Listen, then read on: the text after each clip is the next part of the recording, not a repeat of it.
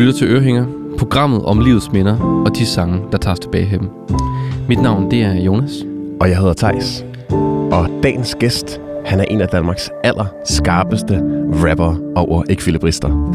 Han udgav sin debutplade Et barn af tiderne i 2005, hvor han som bare 21-årig viste sit store talent for både at skrive og levere rim af høj kvalitet. Med tiden der er det blevet til 18 timer og 22 minutter, som er kommet ud af to liveplader, en kæmpestor håndfuld EP'er, utallige samarbejder, featurings og hele 16 studiealbums, hvor det seneste, Makur, udkom her i starten af november måned. Udover at mestre det skrevne rim, så er dagens gæst også en af de mest prominente personer inden for freestyle-miljøet, hvor han i nullerne vandt Danmarksmesterskabet, også kaldet MC's Fight Night, hele tre gange. I 2018 der udgav, han, udgav han også i samarbejde med psykolog og musiker Mads Korsgaard bogen Aktiv Kreativ, hvor, han, hvor øh, den med udgangspunkt i freestyle rap dykker ned i kreativitet som begreb, undersøger de psykologiske og hjernemæssige aspekter af det og beskriver desuden, hvordan man, kan, man nemmere kan indflette det i sin hverdag. Vi byder velkommen til forfatter, rapper, Peter Ankjær Bigård, a.k.a. PDB. Ej, tusind tak, mand. Jeg sidder for helt gåsehud. Det var godt nok en syg uh, præsentation. det, er jo, det er jo dit liv, kan man sige. Det var vildt nok, mand. Men jeg vil også sige, at det er de færreste øh, musikere, kreative hoveder, vi har inde, som har produceret 18 timers øh, musik. Ja, altså... Øhm, det, det, er, altså, det, er, det er virkelig meget. Jeg ved ikke, hvor meget Beatles noget at lave. Ikke så meget, tror jeg. Der er jo sikkert et eller andet galt med mig, ikke? Hvordan føles det selv, når du, det var dig, der sagde det? Jamen, prøv høre, jeg, øh, jeg bliver jo nødt til at sige det, jeg altid siger, når folk spørger, hvorfor jeg har lavet så meget. Og det handler jo måske i bund og grund bare om, at jeg virkelig sådan er mere end alt andet bare forelsket i processen at lave musik. Ikke? Mm. Øhm, og når man har lavet en plade færdig, så går der jo typisk sådan noget 6-8 måneder, før den kommer ud, hvis man ligesom skal have mixet og mastereret og trykt nogle vinyler og alle de her ting. Så jeg kan jo ikke vente al den tid på at gå i gang med noget nyt. Og det gør jo så, at jeg nogle gange har et halvt album klar, når den ene kommer ud, fordi jeg ligesom er så meget videre. Ikke? Ja. Øhm, så ja, det, ting, tingene hænger jo sammen, og ja, jeg er jo, ja, jeg tror, i bund og grund bliver jeg jo også bare nødt til at anerkende, at jeg er, jo, jeg er jo meget mere bare en stolt håndværker, end jeg er alle de her sådan lidt, lidt prominente ord, man kan putte på det som musiker eller kunstner, eller jeg skal give dig skære, ikke? Fordi jeg tror, kunstnere det er sådan nogle, der har sjove hatte på og i kødbyen og sådan noget, og, og jeg, er bare, jeg er bare glad for at skrive rim. Ja. Og hvordan, altså nu har du udgivet hele 16 studiealbums, udover alle de andre ting, du også har lavet, men altså hvordan bliver du ved med at finde på noget at skrive om? I bund og grund handler det jo om, at jeg, som jeg sagde lige før, nok bare er ret forelsket i processen at skrive rim. Og for mig er det også bare det der med at stå op om morgenen og have lyst til at bruge de samme dele af hjernen, som man måske bruger, når man løser kryds og tværser eller sådan noget, og prøve at få noget til at rime rigtig meget. Og så kan man sige, måden jeg forsøger at undgå bare at lave den samme plade om og om igen, som man jo tit og ofte ser. Det er mm. tit, når en eller anden artist kommer ud med noget, så efter 3-4 album, så brænder vedkommende lidt ud, fordi det er bare de samme numre, som vedkommende prøver at lave igen og igen og igen. Det er jo ved at putte nogle nye dogmer og regler ned over hvert projekt, og en ny overskrift og nogle nye samarbejder. Ja. Sådan så jeg på den måde ligesom bliver ved med at adskille mig fra de ting, jeg har lavet tidligere. Og jeg har det også sådan, du ved, jeg lader mig inspirere af rigtig mange ting, så jeg forsøger ligesom at forfine mit udtryk og gøre det skarpere i bestemte retninger, men jeg ændrer aldrig, jeg ændrer aldrig retning 100%. Så jeg er aldrig ham der, der siger, at det her er min dancehall-plade, eller sådan noget stil, ikke? Fordi jeg vil, hellere, jeg vil rigtig gerne lade mig inspirere af vildt mange dygtige mennesker, og vildt mange andre genrer, som ligesom kan influere den måde, jeg skriver på og sådan noget. Men, men jeg vil hellere have, at det så gør, at jeg forfiner min måde at arbejde på, frem for at jeg hele tiden ændrer retning, fordi så tror jeg også, hvis man gør det, så ender det med, at man aldrig rigtig bliver god til noget som helst. Hmm. Så det er mere bare sådan, at igennem dine plader bliver du ligesom kogt mere og mere ind? Det kan man måske godt sige. og, det er en speciel måde at se det på, men jeg er vild med den. Og i det her program, hvad vil du egentlig helst have, vi kalder dig? Peter eller Pede? Det må jeg 100% sætte om.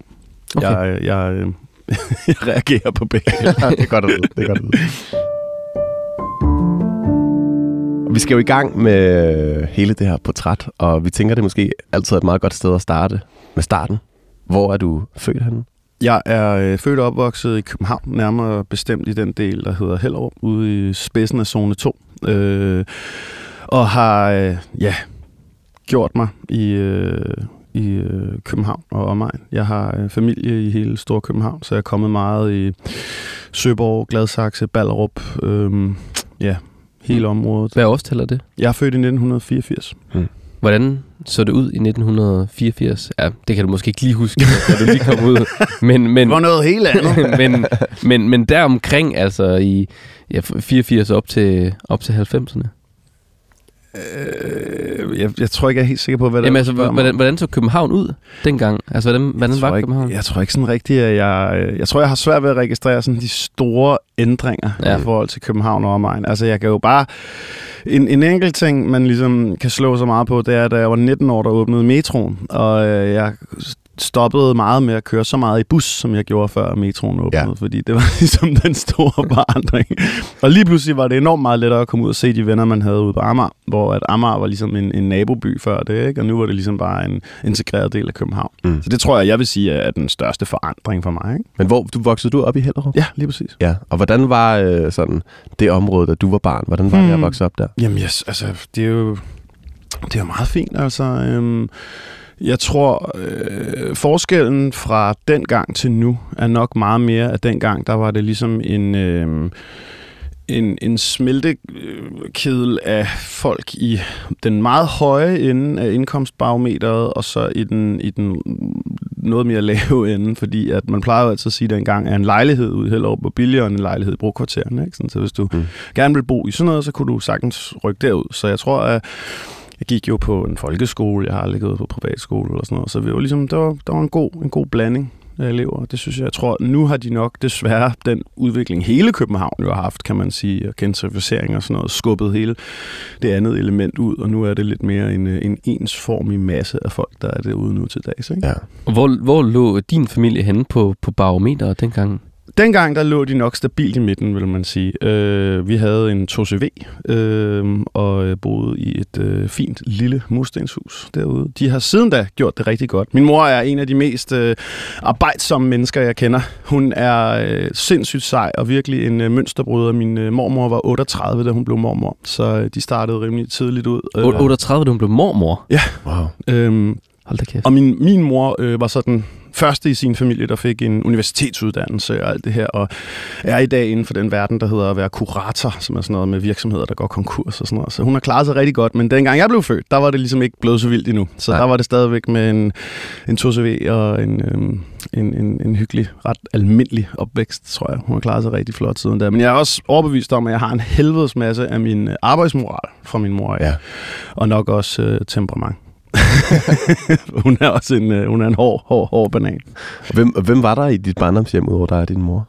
Øh, jamen, øh, og min far, og jeg, fik, jeg har en lillebror også, der Ja. hedder Thomas. Øh, ja, og, øh, og så en, en forfærdelig masse familie øh, rundt omkring i Storkøbenhavn, som jeg øh, øh, havde et meget, meget tæt forhold til. Øh, vi havde sådan en aftale med, at hver tirsdag, der blev jeg passet hos min øh, mormor og morfar, som boede i Ballerup øhm, på Hovedgaden, lige over for biblioteket, hvor jeg virkelig... Jeg var der i går så sent som... Altså, de, de er døde nu, ikke? Men øh, jeg var tilfældigvis lige forbi i går, og det, det står for mig som en af mine sådan, bedste barndomsminder, det er det der med at træde ind i min øh, mormors lejlighed, og så, øh, og så kunne lugte. Jeg fik altid, når jeg kom ind ad døren, en, øh, en rugbrødsmad med leverpostej og, og stegt bacon ovenpå. Det der med, der lugtede af bacon, når man trådte ind i lejligheden, ikke? Mm. Det, var sådan, det var virkelig lækkert. Og så min, øh, min farmor, der boede ude i Gladsaxe, øh, og så Øh, en god portion af min mors familie er øh, italiener, så, øh, så de boede helt tilbage, før jeg blev født, i Ballerup, og de rykker så tilbage til Italien øh, for mange år siden. Øh, så jeg vokser også op med at have et, øh, et meget tæt forhold til Norditalien, øh, hvor at øh, vi er hver eneste sommer nede i øh, Gargallo, som den hedder, den der lille bitte landsby, som ligger uden for Carpi, som nogen måske kender, Ja. som ligger uden for den by, der nok er endnu flere, der kender, der hedder Bologna, som ligesom er sådan den store by i området, ikke? den gamle italienske universitetsby. Ja. Øhm, så jeg øh, en masse ture til Italien, og lidt, lidt italiensk kultur igennem det, og så ellers bare Og hvordan var din rolle i, i familien? Jeg tænker også i barndomshjemmet, altså. Var du ham, der godt kunne lide at tage opmærksomhed? Var du ham, der var stille og fokuseret? Øhm, jamen, jeg tror, jeg tror, jeg var lidt en... øh, Jeg tror, jeg var sådan klassens klovn, ikke? Øhm, ham, der godt kunne lide at lave sjov rigtig meget. Mm. Øhm, Hvordan, hvordan gjorde du det? jamen, det, det, det ved jeg ikke. Jeg tror bare, jeg var en joker-agtig type. Øh, rigtig meget. det er svært at, at svare på. Jamen, det er også, hvis, hvis man begynder at blive så... Øh, hvis, hvis man begynder sådan, øh, at snakke om de her ting, så kunne jeg jo også snakke lidt om, at altså, jeg er først sådan her sidste år begyndt sådan at arbejde med min, øh, med min, med min PTSD. Mm. Fordi jeg har øh, udviklet PTSD fra min, fra min opvækst. Fordi min, min far han havde nogle, øh, nogle uvenner, som han udviklede gennem nogle forskellige øh, retssager, øh, som var meget sure på os øh, i forbindelse med en masse... Øh, forsikringssvindel, som gjorde, at de her mennesker kom forbi mange gange, og, øh, og fyrede brosten ind af vinduerne, og ringede ja. til min mor og sagde, at de ville slå mig og min lillebror ihjel, og... Øh, Øh, en enkelt gang, var de, da vi faktisk var flyttet, øh, var de forbi og var sådan ved at komme ind i huset, hvor øh, den barnepige, der var der med min lillebror, der passede hende, min lillebror han er syv år yngre end mig, øh, skjulte sig ind i et skab og sådan nogle ting. Ikke? Wow. Øhm, så jeg voksede op i sådan en, i sådan lidt en, en, en usikkerhed, kan man sige, som jeg havde svært ved at finde mig tilpas i, selvfølgelig. Ikke? Ja. Øhm, så jeg kan huske sådan noget, at jeg, øh, da jeg var lille, der øh, øh, var der faste lavn på min skole, og så, øh, og så tog jeg battet og pakkede ind i min jakke og tog med hjem og lagde bag ved reolen, fordi jeg havde det sådan, hvis jeg nu var alene hjemme med min lillebror, og der kom nogen, så ville jeg da hellere svinge sådan lidt i ansigtet på sådan en, end der skete min lillebror noget. Ikke? Ja. Så, så, så jeg voksede også op med en del usikkerhed på baggrund af det, som jo også selvfølgelig satte sig på mig som person. Ikke? Øhm, sådan, i forhold til sådan noget, som at ville være en fandenskal og sådan noget. Ikke? Ja. Hvor, hvor, mange, hvor mange år var, varede den her? Det, det ved jeg ikke, 5-6 år måske, eller sådan noget. Ja. Og så du følte ligesom også et, et måske en, en, der var en nødvendighed i, at du skulle kunne træde i karakter. Ja, hvis det var 100%. der. Ja, ja. Øhm, og det jo også derfor, jeg så selv tror, jeg udviklede sådan en... Jeg vil både gerne selv kunne slå på tæven, og jeg vil gerne have nogle, nogle venner, der kunne det, ikke? Ja.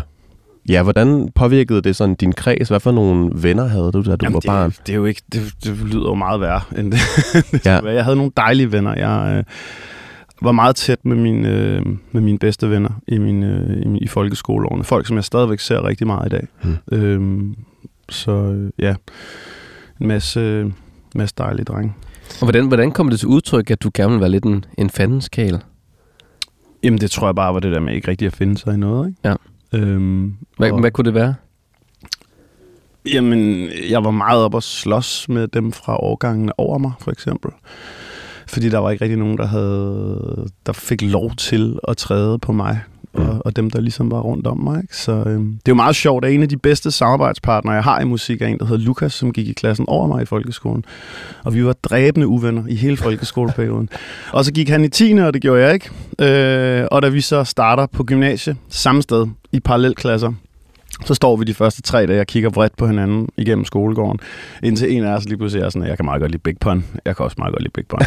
Okay, og så har vi bare været bedste venner siden da, ikke? Altså, så det var jo bare super latterligt, at man skulle blive venner på den der måde. Ja. En god problemløser. ja, ja, ja, ja, ja. Spørgsmåleren. ja.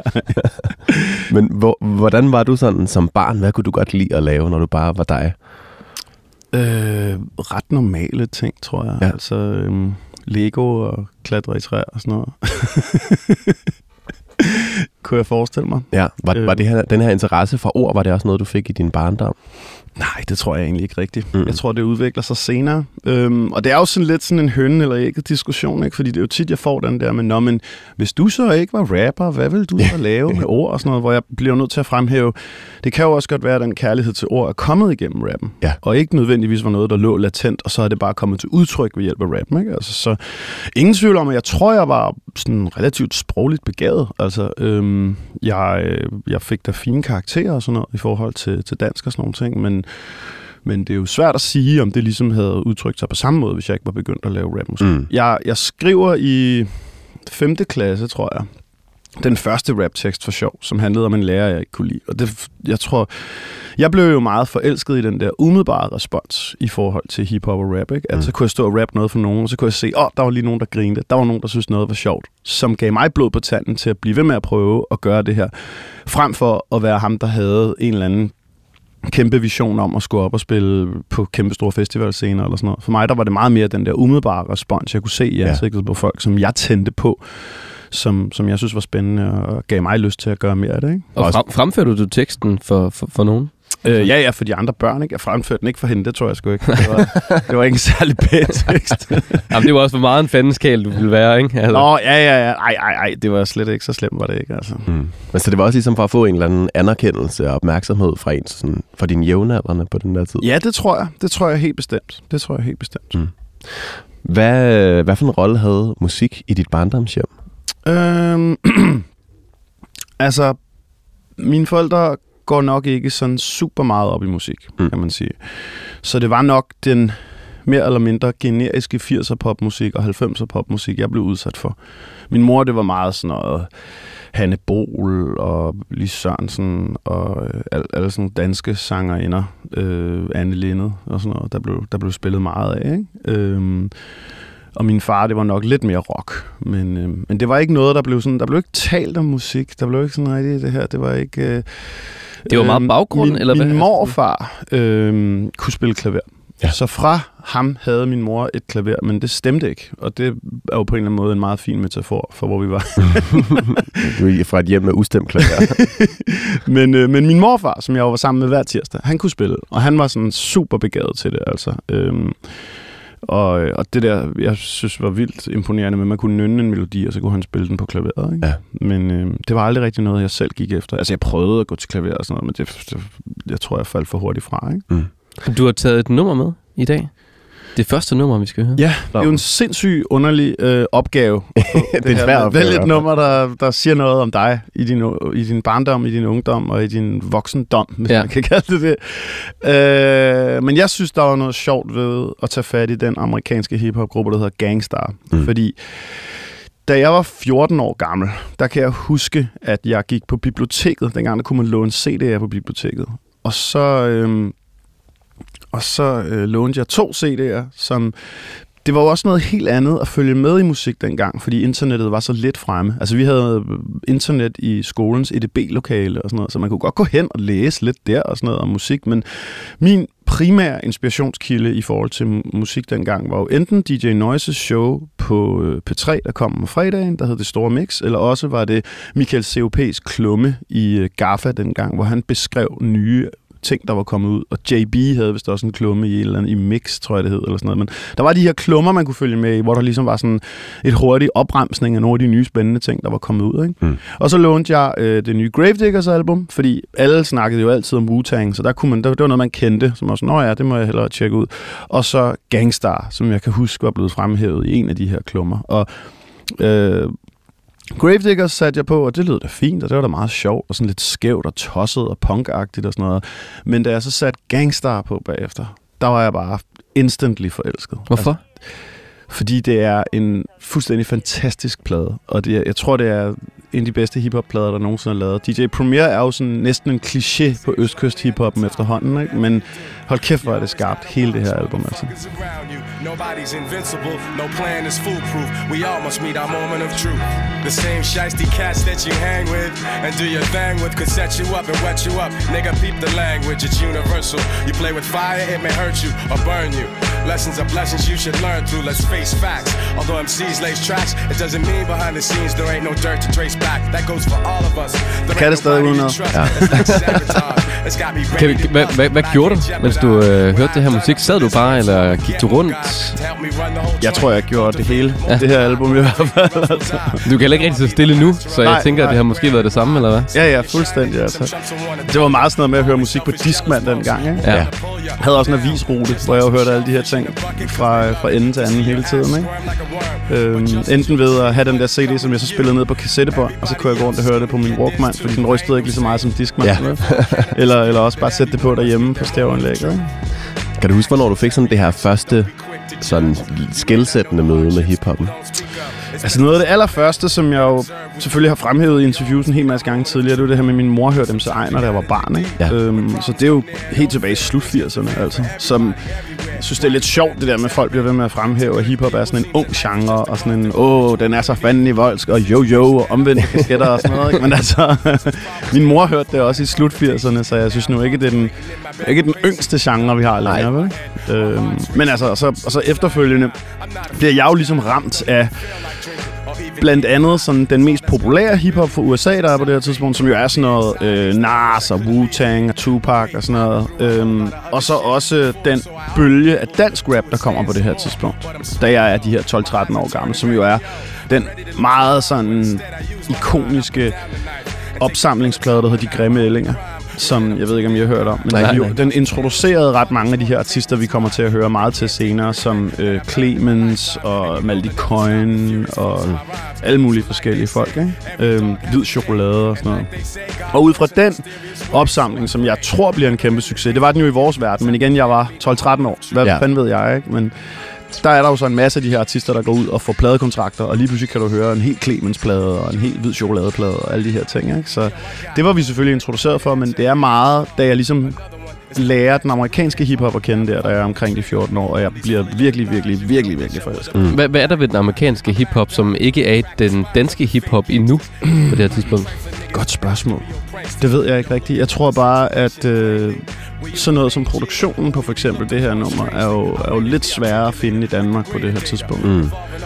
Øhm, og så er der jo, ja, jeg ved, jeg ved, jeg ved ikke rigtigt, hvad det er lige præcis på det. Er det, er det sådan noget, altså nu, jeg er også meget i Han hiphop- podcasten vil kalde det noget stoflighed. Ja, jeg ja. ved det ikke. Jeg tænker også, om det er et eller andet autenticitetsting, altså fordi det også er sådan fra USA, det kommer, og, og det måske også er sådan nogle lidt, lidt hårdere tilværelser, de beskriver måske. Måske, og måske er det, at, at, at den øh, nørd, jeg ender med at blive i forhold til rim og punchlines og sådan noget, lidt mere bliver afspejlet i den amerikanske hiphop på det her tidspunkt, end den bliver i den danske, hvor øh, man måske ikke er lige så teknisk funderet på det her tidspunkt. Mm. Det bliver man jo, 100%, men det er måske bare ikke gældende på det her tidspunkt. Ja, de har også øvet sig lidt længere, kan man sige. 100 procent. altså. Men det er jo sjovt at høre, altså fordi, hvis man for eksempel hører, øhm, jeg elsker Maldi Coin, kæmpe Maldi Coin fan, jeg synes Cosmic Chaos er det bedste danske rap nummer, der nogensinde har lavet, og jeg har lavet et album sammen med to Track og sådan noget, men når man hører det, de lavede på De Grimme Ællinger i 96, så er det jo noget, der refererer til en masse hiphop, de godt kan lide, som jo så allerede på det her tidspunkt er 8-9 år gammelt, så der er det bare nogle referencer, der flyver helt over hovedet på mig, ikke? Altså jeg forstår slet ikke, det er først meget senere, at jeg begynder at forstå de her ting, de refererer til fra amerikansk hiphop, som jeg ikke, altså, det er forbi mig, ikke? Det er også nogle gange sådan set udefra, som om, at øh, hiphop-miljøet er sådan et æderkoppespind, altså hvor at, hvor at så er der en artist, der udgiver noget, folk bliver inspireret af det, laver referencer af det, og sådan det udvikler Totalt. sig hele tiden. Totalt meget. Som sådan et stort, virkelig, et stort virkelig. netværk. Ja, ja. Og vi var jo også altså, selvfølgelig øh, kæmpe Clemens-fans, som alle var på det her tidspunkt. Ikke? Og det var sådan i min folkeskole, at hvis man rappede, så var der altid nogen, der sagde, nej, du prøver bare at lyde som Clemens. Ikke? Mm. Det var ligesom ham, der var kongen på det her tidspunkt. Selvom han jo syret nok kun var de der 5-6 år ældre end os, så var han bare, fordi han startede ud så tidligt, som han gjorde. Ikke? Øhm, så var det jo bare ham, der var kongen på det tidspunkt. Peder, vi skal videre til andet minde. Ja. Vi skal videre til din ungdom. Ja. Og øh, hvordan synes du, at du sådan ændrede dig, da du gik fra at være barn til at være sådan teenager? Øh, åh, det er et stort spørgsmål. det er det godt nok. Altså, Sådan i grove træk. det kan behøver ikke at nævne alle punkterne. Nu skal du høre. øh, altså, jeg tror jo, at grunden til, at jeg har taget det her nummer med, som jeg har taget med, Mm. er fordi, at jeg synes, det afspejler meget godt, hvor stor en rap-nørd jeg bliver på det her tidspunkt. Ja. Øhm, og det her med virkelig bare at gå så meget op i rim og de her ting, reflekterer jo nok også det der med, at jeg mere bare er en stolt håndværker. Og jeg på ingen måde er... er jeg, jeg har så svært ved alle de der prædikater, folk putter på sig selv som musikere, eller artister, eller kunstnere, fordi i min verden, der er en kunstner sådan en, der går, på, der går i kødbyen og har en sjov hat og en farverig ørering på og sådan noget. Og Det, jeg, det er jeg slet ikke. Jeg føler mig slet ikke hjemme i de der områder. Men hvordan kan det være, at du også... Altså, jeg- jeg tænker du også bare- det på det her tidspunkt? Fordi, ja, ja, ja, fordi jeg, går, jeg, jeg bliver en del af hele den sådan københavnske hip-hop jam-kultur, som jo er det der med, at vi øh, optræder nogle gange, nærmest flere gange om ugen, til sådan nogle små hip-hop jams, hvor der så er 5, 6, 7, 8 artister på plakaten, og øh, vi, øh, vi spiller jo nærmest for hinanden, og de 15-20 mennesker, der ellers har betalt entré til det her hip-hop jam, og, øh, og det giver jo bare sådan et kæmpestort netværk, og nogle fantastiske minder fra ens ungdom, bare at være en del af hele den her bølge, der var på det tidspunkt, ikke? hvor vi alle sammen var et slags modspil til hele mainstream-tingen. Ja. Ja. Fordi vi jo bare var en subkultur. Og jeg kan jo, når jeg kigger på metalhoveder i dag, så kan jeg jo meget mere øh, sådan øh, relaterer til den måde, de for eksempel kommunikerer på. Det der med, at så kan de gå ned gennem torvet i en eller anden provinsby og se en anden med en øh, metal-t-shirt på og sige, åh, oh, du er ligesom mig, skal du også til den der koncert hen på Spillestedet i aften? Ja, det skal jeg. Nå, fedt nok, skal vi gå hen og drikke en øl sammen? Sådan var det jo ja. at være hiphopper i slut 90'erne, start 0'erne, fordi der var det jo også det der med, at du så en anden person på strøget med baggy pants på. Så, Nå, skal du også hen og tjekke det her ud i den grå hal? Nå, det skal jeg også. Nej, hvor fedt. Yay, hurra, nu er vi venner. Øhm, før at det jo blev den dominerende genre musikalsk, som det er i dag. Det ja. var det jo slet ikke på det her tidspunkt, vel? Øhm, så jeg ved ikke rigtig, hvor jeg vil hen med alle de her ting. Ja. Men, øh, men, men i hvert fald så bliver jeg jo på det her tidspunkt en meget større rimnørd end, end, end en, der går op i alle de her andre ting, som musikere måske går op i. Fordi for mig, der tror jeg også bare, jeg har sådan, du ved, Jamen, det, det bliver hurtigt lidt dark det hele, men, men jeg øh, i 2007 omkring, hvor jeg kan huske, at jeg hørte det her nummer meget, så er det meget det her med at gå rundt og høre det på min øh, MP3-afspiller, og jeg gik på teknisk skole på Julius Thomsens plads på Frederiksberg, og jeg, øh, jeg gik på RUG bagefter og sådan noget, og jeg... Øh, Øh, jeg, jeg, havde en, jeg havde en god ven, der, der odede i vores lejlighed og overlevede heldigvis, men det her med sådan... Det, det, hele var lidt, det hele var lidt presset på det her tidspunkt. Ja. Jeg tror, jeg havde sådan lidt nogle nogle vilde år. Øh, og man kan sige, at jeg vandt også Fight Night i 2007, en af de gange, jeg gjorde det. Øh, men den eneste gang, jeg har fået øh, 100% af dommerstemmer, altså til Fight Night giver dommerpanelet stemmer ud fra sådan nogle procentsatser inden for nogle forskellige kategorier. Og jeg har fået 100% en gang, og det er der vist nok aldrig rigtig nogen, der får. Det var jo fordi, at jeg havde fundet min ven fem dage før det, og jeg bare stillet op til den her indledende runde og var pisselig glad. Jeg kunne slet ikke, jeg var ødelagt indvendigt. Så det, mm. der var ikke nogen nerver. Jeg var ligeglad med min modstander, og jeg havde bare lyst til at slå folk ihjel. Ikke? Øhm, ja.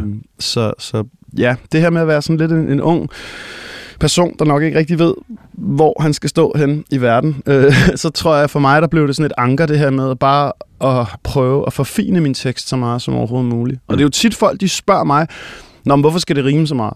Kan du ikke lade være med det? Der er ikke nogen grund til det. Folk er ligeglade og sådan noget. Jamen prøv at høre, den følelse, jeg fik nede i maven af at høre en person, der rimede helt vildt teknisk godt, hvis jeg kan give den til nogle andre, så vil jeg jo føle, at jeg har udført mit stykke arbejde på så god manier som overhovedet muligt. Ikke? Mm. Så der, der, der vokser ligesom noget håndværker frem i mig, altså håndværker som inden for min, øh, min musik på det her tidspunkt, ikke? hvor jeg bare prøver at gøre det så skarpt, så skarpt, så skarpt som overhovedet muligt. Og så er jeg lidt, lige, lidt mere ligeglad med en masse andre parametre. Og det kan man jo så i, i, i bagklogskabens lys øh, øh, kigge lidt fjollet på i dag, ikke? og sige, nå ja, men måske skulle man også bare have gået meget mere efter at skrive nogle fængende hooks eller et eller andet den stil. Men for mig, der var det bare så vigtigt på det her tidspunkt at og, øhm, og gøre det godt inden for de her parametre. Og der tror jeg, at det her nummer, som jeg har taget med, som er en rapper, der hedder Saigon, mm som er fra et mixtape dengang, så det findes ikke engang på Spotify, det her nummer. Det er så fuldstændig overdrevet teknisk. Og jeg har faktisk øh, bedt jer om at skrive teksten ud, ja. fordi jeg gerne vil prøve at gå nogle enkelte linjer igennem med jer bagefter, fordi det er så sindssygt overdrevet. Og det er det, jeg mener, når jeg snakker om folk, der bare rimer rigtig, rigtig godt. Og jeg er 100% klar over, at det er ikke for alle. Altså, mm. det er ikke alle, der sætter pris på sådan noget her, men jeg ud fra mit musikalske virke, synes bare sådan noget her er så latterligt imponerende. Men Peder, det lyder også lidt som om, at altså, at rimene og hele hiphopkulturen og, og, og, og det at, og, og, at skrive, det blev sådan et, øhm, et helle i alt muligt kaos, der skete i det der år 2007. Ja. Yeah. Altså. Jamen det er det jo nok. Altså, jeg er jo bare sådan en, jeg, jeg tror bare, jeg arbejder mig igennem ting, ikke? Mm. Øhm, hvor jeg sikkert... Øh, burde arbejde på det på en anden måde. men, øh, men for mig, der, der holder, mig, holder mig bare i gang. Ikke? Men brugte du det også som en form for altså benzin? Altså brugte du det også til at inkorporere du det ligesom i teksterne? Ja, altså. det, det blev det nok mest senere her. Ja. Men, øh, men jo, selvfølgelig. Og der kom jo referencer til alt muligt, der var sket i virkeligheden. Ikke? Mm. Jeg synes, vi skal høre ja. sangen, og så øh, glæder vi os til at dykke ned i teksten. Ja. Det er meget spændende for. Optur. Her kommer Saigon. Det er så overdrevet, det her nummer. But I don't think they see me though. think they see me yet. Why? Why am I mentally filthy? Why is pistols being concealed to issue them criminal tendencies that relentlessly guide me? Why is it 99.9 inside of me? Highly shicing in tights with beef. Why is it hard for me to think that I probably die in poverty? Why the police authority only fuck with minorities? Why is there black blood in thugs' arteries? Why does the cold part of me got me loving crime wholeheartedly? Why is the federal bureaucracy prophecy locking me? I cop a key rock a commodity, locking your property, stock a monopoly properly. Why the vodka be knocking me? Why hypocrisy? Trying to rob me of my philosophy. Why does the pyrophobic fear fire? Why does the CIA with wire side of Messiah? Sharp as the eye of Jeremiah. And it's ridiculous, sick of solicitous. Why does wickedness breed the me? Why the ghetto mentality? True story. True story. All the pain, all the jail, all the death, it's all a true story. The hood ain't letting me go. This shit is a true story. True story. All the drugs, all the guns in my life, it's all a true story. Nigga, I'm just letting you know. Just letting you know. Yo. Why is the fire inside of me so atrocity filled? Lyrically, I'm illogically ill. The God of me built deeper than Carter G wheels. Hard to rebuild. Krills try to keep the truth concealed. Probably will. Why the copper shackle a thief? One out a week of national peace. Why am I being followed by sorrow? Shadows of grief. Tackle a priest. Blow the chapel in and tabernacle of peace. Cause lying is the act of the beast. Pitiful, they slander the biblical. Lock us down in the land of the critical. Why ain't none of us analytical? Am I a man or a miracle? Infecting the western hemispherical with deadly lyrical, this incurable. Why the media players portray us as crack weighers? Why is it gonna take black mayors to turn the max payers to taxpayers? Get at me with that. I spit facts naturally black. You don't know the half of the shit is a true story. Oh, jeg har gåsehud. Det er så sygt, det nummer. Jeg kan det stadig uden noget. Altså, det er jo det er også fedt at se dig sidde her og, sådan, og, og lipsynke med på det. Ja, altså, ja, der er Peder, så meget kan, du ikke prøve, kan du ikke prøve at forklare? Altså, du sagde også til at starte med, at det er ikke for alle. Nej. Det er ikke alle, der kan, Nej. der kan se det, du kan se, eller Nej. der, der er blevet ramt Jamen, af det, det, altså, i, bund. I bund og grund er det jo, er det jo at, at løse kryds og tværs, eller lave sudokuer med ord. Ikke? altså, det er skidesvært, men, men altså sådan noget her, det er jo bare så sindssygt svært at skrive, øh, og så sindssygt flot, når det lyder som om, at man ikke engang gør sig umage. Altså, øh, Øh, hvad, hvad, hvor skal vi dykke ned hen? Det hele er jo bare godt. Altså, øh, Ja, er, der, er der nogle linjer, du ligesom... Altså, man kan sige... Why der, is the federal bureaucracy prophecy locking me a copper key rocker commodity locking your property stuck in monopoly probably why the vodka be knocking me why hypocrisy try to rob me of my philosophy Altså det er så sindssygt skrevet det, Det, det lyder fuldstændig vanvittigt. og prøv at høre, prøv at, høre, det er jo, det er jo, det går bare op for mig, at det nummer, jeg lige har indspillet med Shaka Loveless forleden dag, er jo, er jo altså jeg, jeg prøver jo stadigvæk at gøre det her. Altså, ja. det er jo stadig, altså sådan noget, jeg har skrevet det her forleden dag.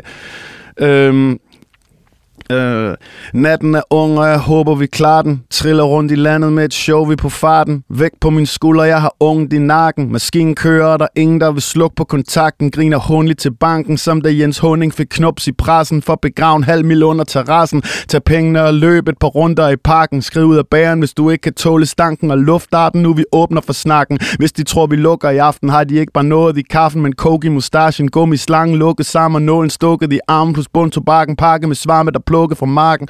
Og sådan noget, det, er jo, det, det, det går op for mig, at altså, det er jo 15 år siden det her, og jeg prøver jo stadigvæk at gøre det her. Ja. Fordi det, det, det sidder så dybt i mig at blive imponeret over sådan nogle her ting. Ikke? Det er som om, du er blevet brændemærket med den her, altså den her tekst. og, det, og det er jo ikke kun ham, kan man sige. Det her det er jo bare et Ja, nej. eksempel, Ja, ja, ja. men der er jo rigtig ja. mange folk, der har skrevet på den her måde. Ikke? ja. Men er det også den ild, det giver dig som håndværker, når du, når du så bliver, altså, øh, når du bliver øh, altså, introduceret for noget, der er så godt 100 håndværk? Altså, er du sådan, ja, det vil jeg virkelig, virkelig. Ja, ja, ja. Og vide, der er andre, der går op i det end en selv. Ja. Ikke? Altså. Og, og hvis vi nu vender tilbage til, til Pede øh, i den her sådan lidt øh, tumultariske tid, Ja. øh, hvad gav sådan en sang der på det her tidspunkt i dit Jeg liv? tror jo bare i bund og grund, at det ligesom er med til at sætte ens eget ambitionsniveau for teksterne en hel del op, ikke? Ja. Og så gå rundt og... Jamen, det var jo bare sådan noget, jeg, jeg lyttede til rigtig meget af sådan noget her. Dengang man havde sådan nogle... Hvad fanden var det, de hed? Jeg kan ikke huske, der var et eller andet specielt navn for de MP3-afspillere. Og det var sådan nogle, man... Øh, så, så satte man den... Så, så kunne man ligesom... Det var en lille afspiller.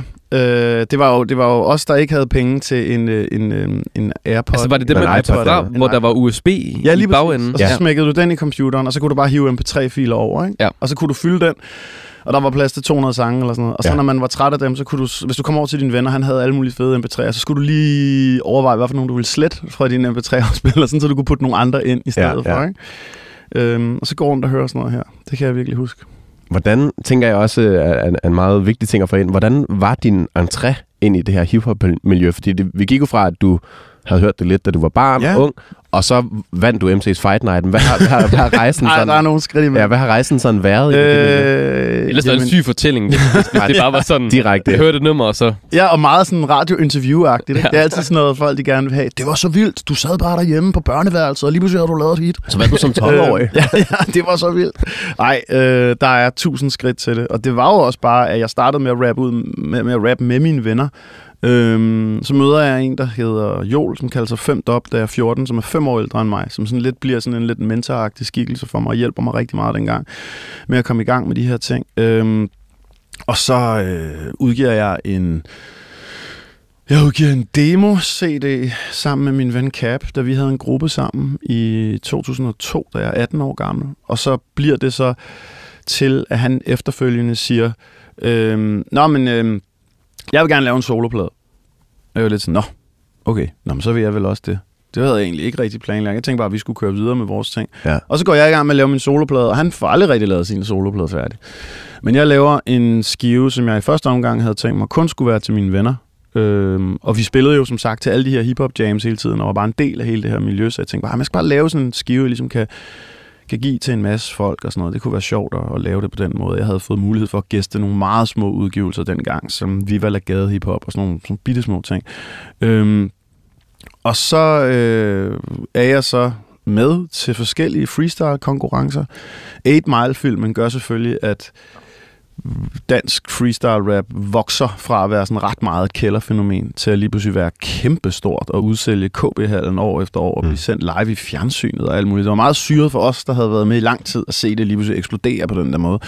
Men jeg, uden at have forestillet mig, at det overhovedet vinder i 2005, ja. Ja. hvor jeg slet ikke havde troet, at jeg ville kunne vinde den her konkurrence overhovedet. Jeg havde bare ligesom en eller anden ambition om at prøve at blive ved med at klare mig godt til det, fordi det var alligevel det fjerde år, jeg var med eller sådan noget. Øhm, og der havde vi så startede vores eget lille pladeselskab, fordi det gjorde alle vores amerikanske helte jo, men vi anede jo ikke, hvad vi lavede. Overhovedet ikke. Det var jo et stort rod, men altså, vi havde ligesom lavet en plade, og så havde Cap designet et cover på et eller andet computerprogram, og så havde vi sendt det til en, øh, et trykkeri, og så øh, havde vi ikke nogen penge, men vi regnede med, at hvis vi havde solgt nok CD'er, så kunne vi ligesom klare den der 30 dages øh, ventetid, der var på at, at betale den regning, vi havde fået sammen med de 500 ja. CD'er.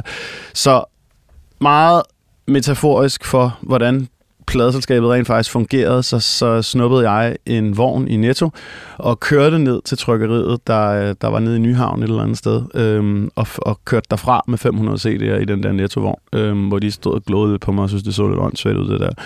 Øhm, men så vinder jeg konkurrencen, og pladen skal komme ud halvanden uge efter.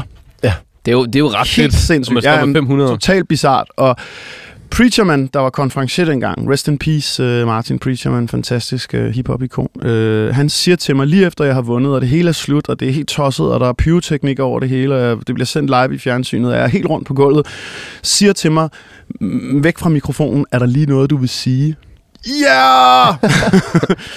og så siger jeg så, øh, jeg har en plade ude om halvanden uge på næste mandag, der hedder Et barn af tiderne. Please gå ud og køb den. Jeg vil rigtig gerne have, I lytter til den, eller et eller andet. Og det gjorde så, at vi solgte de der 500 eksemplarer på to dage, eller sådan noget. Ikke? Wow. Og, så, øhm, og så kunne vi så lave et oplæg, eller et oplag mere, øh, og et oplag mere, og så kunne vi ligesom få solgt nogle af dem. Og så gjorde det jo så, at jeg i 2006, året efter der, spillede sådan noget 80 koncerter eller sådan noget. Men igen, vi spillede jo nærmest for 1200 kroner en kasse øl eller sådan noget, så ja. Det var jo ikke fordi, altså, vi kunne spille i en hver ungdomsklub rundt omkring i landet eller sådan noget. Øhm, og vi faktisk også spillede vores første Roskilde Festival koncert det år, mm. hvor vi spillede på den scene, der hed Pavillon Junior dengang i optagsdagene. Øhm, 2006. Øh, så så ja, jeg, det, det gjorde ligesom, at så blev jeg ligesom skubbet ind i det her, og, øhm, og ja, kunne, kunne på det, den her måde ligesom begynde at spille nogle rigtige koncerter, og ja.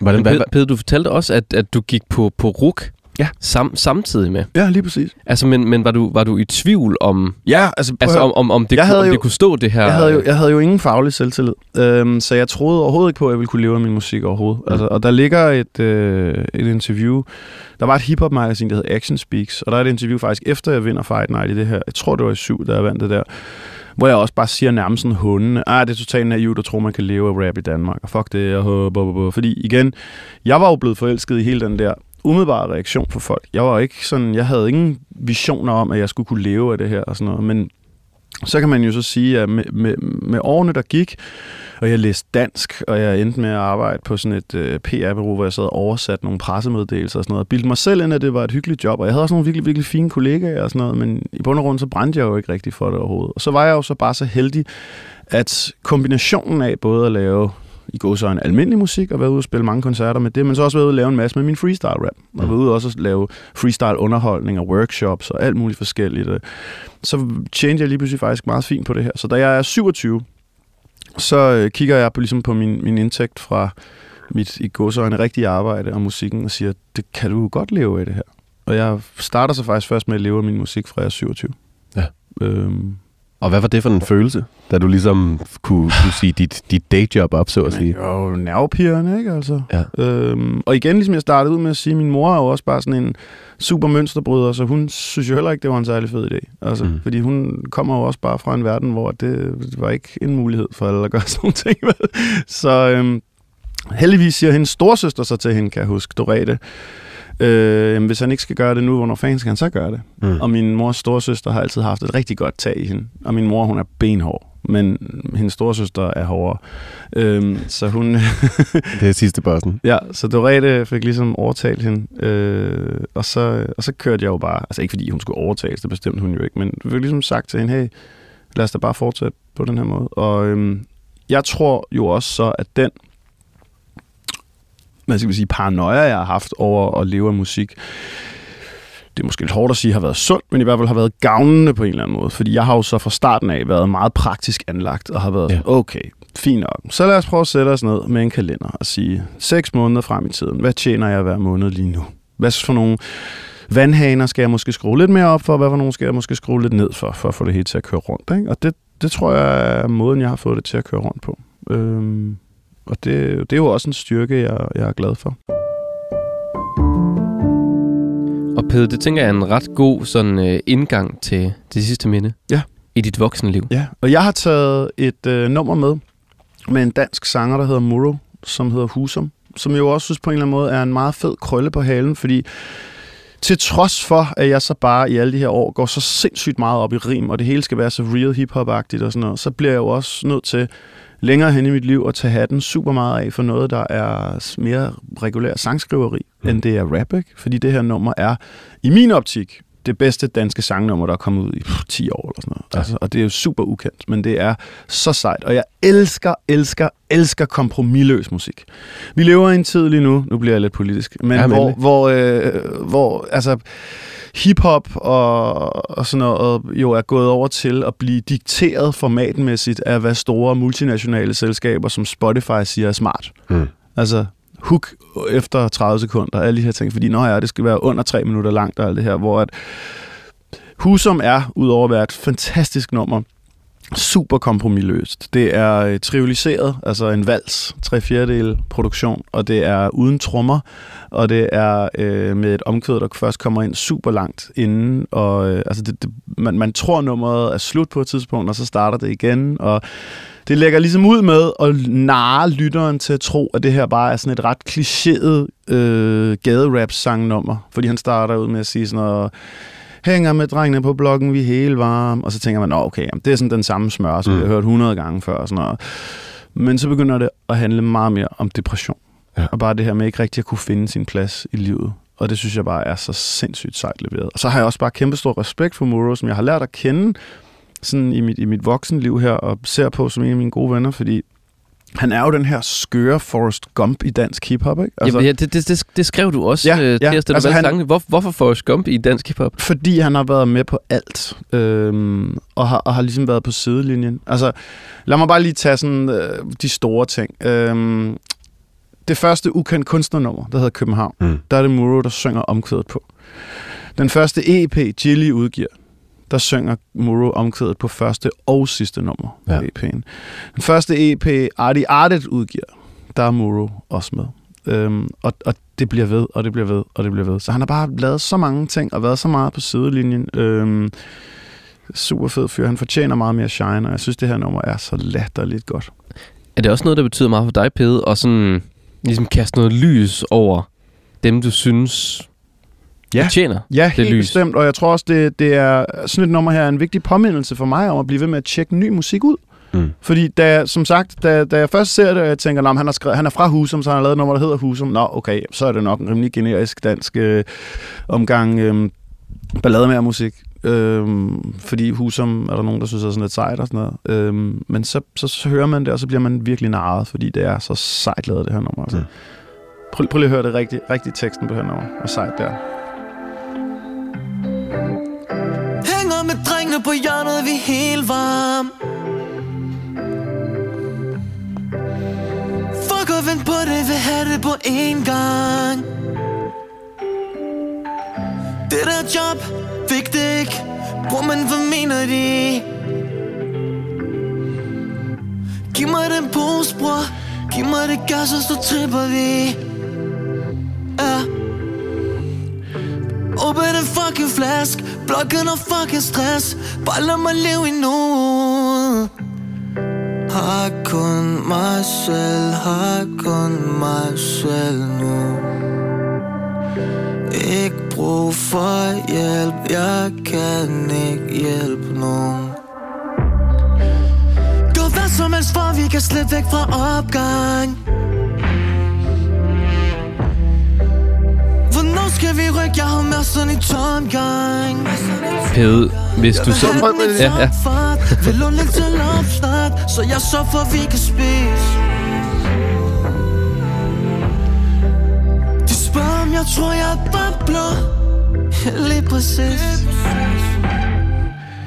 Vi bare fucking anden gear Der drømmer om AMG'er Bare lad mig leve i nuet. Jeg kan ikke mere. Har kun mig selv Det er så skrøbeligt. Det er så sindssygt sejt, altså. Og vent, I skal høre, fordi lige om lidt så flipper det. Det er så sejt, det her nummer.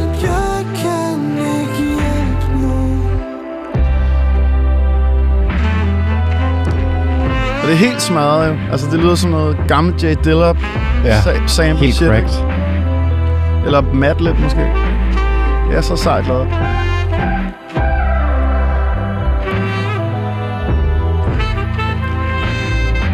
Jeg vil se en tv-serie med det her som, som tema, når, mm. når, når serien starter. Altså, det er så sejt. Og så prøv at høre nu.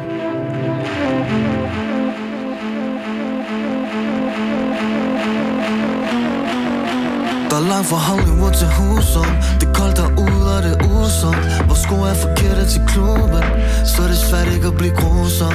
Hvem er vi, hvis vi ikke kan holde sammen Går solo, selvom vi bør holde sammen Prøv at holde varm, så jeg brændte det sidste på en Lise bimmer med tom tank Hvad ved du om at blive afvist? Vores liv er umuligt at sammenligne. Bare Mohammed og Mikkel fik samme løn. Hvis de fik samme svar på den samme bøn. Og vi beder ikke om at en smule mere. Jeg tager over ud, når det er uvær. For jeg kan ikke regne, hvor min skolelærer Tager en ting ad gang på en uge mere.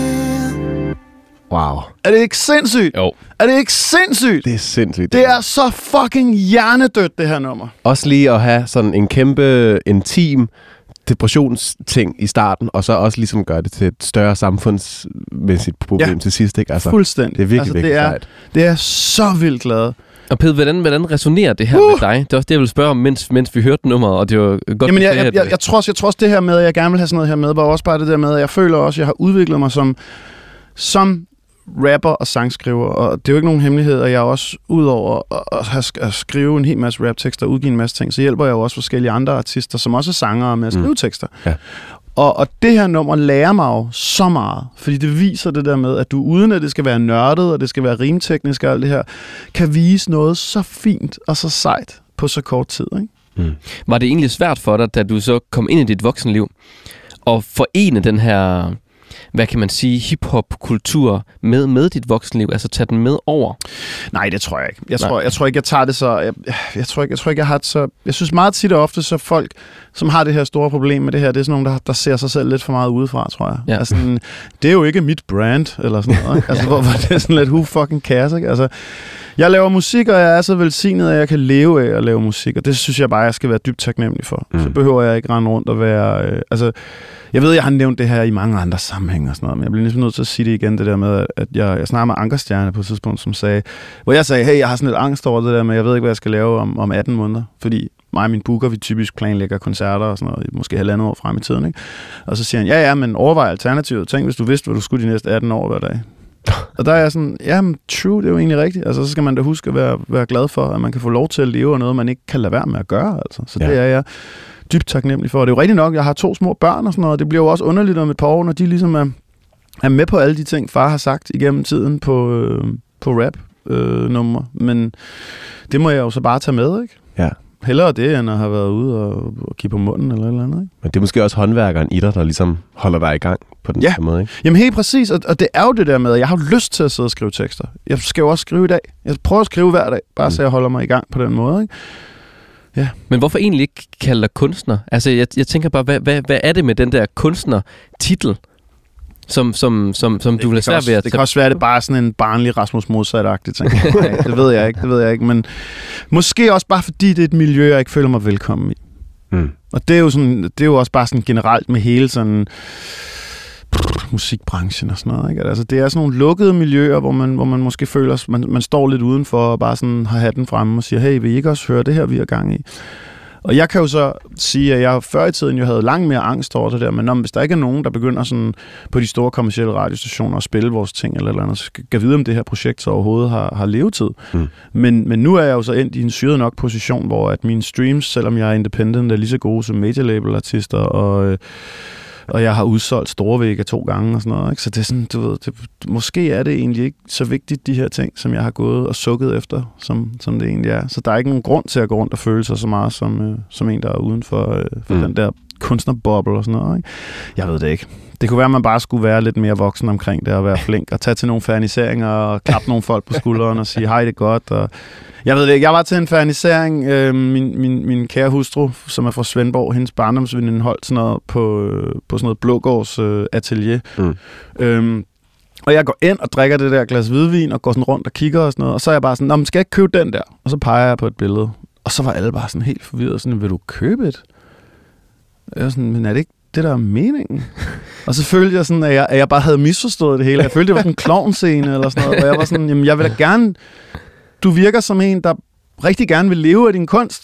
Og hvis jeg kan betale 1100 kroner for et eller andet billede, og kan støtte din vej til at leve af din kunst, så er det da ligesom med folk, der har støttet mig i min vej Ja. med musik og sådan noget. Ikke? Men alle var bare helt forvirrede, og så var de bare sådan, "Nå, men så må du skrive dig op, og så sender vi dig en mail, og så kan du få lov til at købe det. Og der kom aldrig nogen mail, så jeg har aldrig købt det der billede. Så selv når du prøver ligesom at Så, være en del af den der så, verden, så, så, har jeg, så har jeg misforstået det hele alligevel. Så det, jeg ved det ikke, jeg ved det ikke. Pede, her til sidst et spørgsmål, vi stiller til stort set alle vores gæster. Ja. Hvis du kunne gå tilbage i tiden og øh, sige én ting til, til Pede som, øh, som barn, hvad vil det så være? Køb Novo-aktier. Ja. Nej, jeg ved Jeg tænker, det var meget prompte. Ja. Jeg vidste ikke, hvad der kom. Det er, det, det er den praktiske... øh, nej, det, det, ved, det ved jeg ikke. Det ved jeg ikke. Mm. Det synes jeg er sindssygt svært at svare på. Øhm, Det kan også være, vil, vil du fortælle ham noget, hvis du havde muligheden? Eller vil du bare lade ham leve sit jeg liv? Tror, jeg tror bare, jeg vil forsøge at indpode en lille bit smule mere selvtillid ind i den her øh, ikke så selvtillidsfyldte unge mand. Øh, men det ved jeg ikke, om vil have nogen praktisk effekt, og jeg ved ikke, om, altså, om, om karma og universet bare virker. Og grunden til, at jeg ligesom kan leve af musik i dag, også er, fordi jeg har haft sådan en rimelig nervøs tilgang til det, og Ja. har brugt lang tid på at opbygge en hel masse ting, øhm, som, som jeg gerne vil have, var, var solid, og ikke taget så mange chancer og sådan noget. Fordi det kan være, det også vi har været, vist sig at være en fordel. I don't, I don't fucking know, altså. Så det, øhm, men det er jo det der, du ved, det, det er svært at sige, altså. Ja. Øhm, der er der nogle der er der nogle folk, jeg har givet en knytter i tidens løb, hvor jeg tænker, det var da måske ikke så smart, jeg skulle have gjort det, fordi hvis de nu er blevet ked af det, og jeg har puttet et eller andet grimt ind i dem som mennesker, så er det jo også en kæmpe ulempe, ikke? Men jeg synes, det er svært at tale om det der med, at man har fortrudt noget eller ej eller noget, ikke? Forståeligt. Pede, det var alt, hvad vi nåede i dag. Jamen, det var en fornøjelse. Det har været så hyggeligt. Og tusind tak for at være så åben. Jamen, tusind tak. Selv tak. Mit navn er Jonas Forlager, Og mit navn er Thijs Sarko. og tusind tak, fordi du lyttede til Ørehænger. Hvis du vil høre mere ørehænger, så kan du finde vores andre programmer der, hvor du finder dine podcasts eller inde i 24 app.